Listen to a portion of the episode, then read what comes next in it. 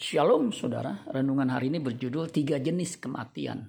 Ibrani 9 ayat 27 dan 28. Dan sama seperti manusia ditetapkan untuk mati hanya satu kali saja. Dan sesudah itu dihakimi. Demikian pula Kristus hanya satu kali saja mengorbankan dirinya untuk menanggung dosa banyak orang. Sesudah itu ia akan menyatakan dirinya sekali lagi tanpa menanggung dosa untuk menganugerahkan keselamatan kepada mereka yang menantikan dia. Ketika Kristus disalibkan, ada dua orang di kanan dan kiri Kristus juga ikut disalibkan. Matius 27 ayat 38 bersama dengan dia disalibkan dua orang penyamun seorang di sebelah kanan dan seorang di sebelah kirinya jadi ada tiga salib di Golgota yang mewakili tiga jenis kematian kematian Kristus adalah kematian karena dosa Jesus die for our sin.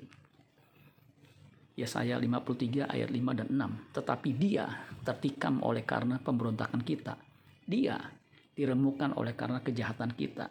Ganjaran yang mendatangkan keselamatan bagi kita ditimpakan kepadanya. Dan oleh bilur-bilurnya kita menjadi sembuh.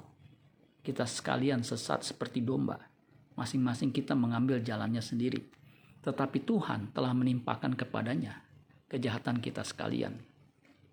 1 Petrus 2 ayat 24 dan 25. Ia sendiri telah memikul dosa kita di dalam tubuhnya di kayu salib. Supaya kita yang telah mati terhadap dosa hidup untuk kebenaran. Oleh bilur-bilurnya kamu telah sembuh. Sebab dahulu kamu sesat seperti domba. Tetapi sekarang kamu telah kembali kepada gembala dan pemelihara jiwamu.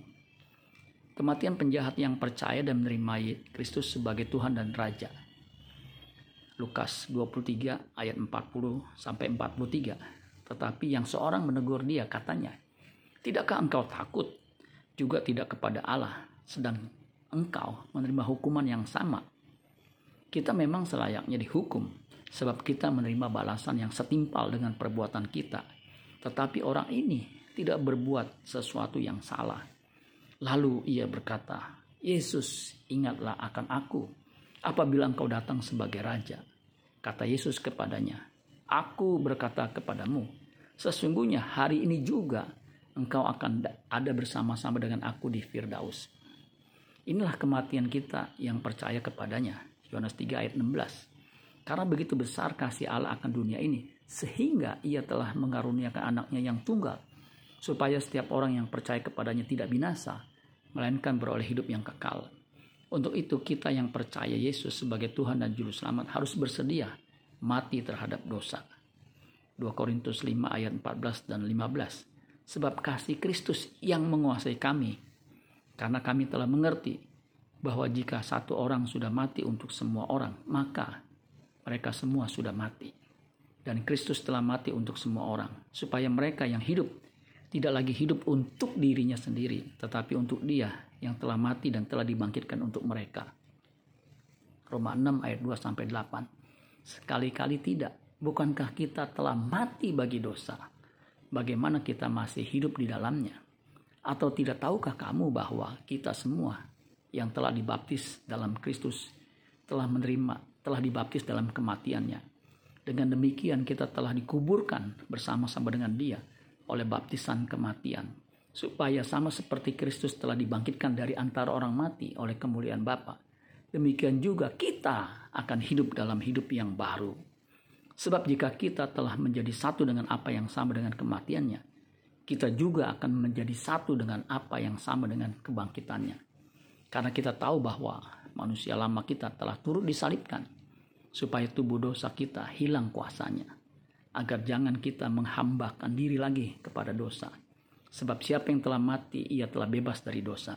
Jadi, jika kita telah mati dengan Kristus, kita percaya bahwa kita akan hidup juga dengan dia. Jenis kematian ketiga adalah kematian di dalam dosa. Karena tidak percaya Kristus seperti penjahat yang disalib bersama Kristus tetapi menolak Kristus. Lukas 23 ayat 39 dan 40. Seorang dari penjahat yang digantung itu menghujat dia katanya, Bukankah engkau adalah Kristus? Selamatkanlah dirimu dan kami. Tetapi yang seorang menegur dia katanya, tidakkah engkau takut juga tidak kepada Allah, sedang sedang engkau menerima hukuman yang sama.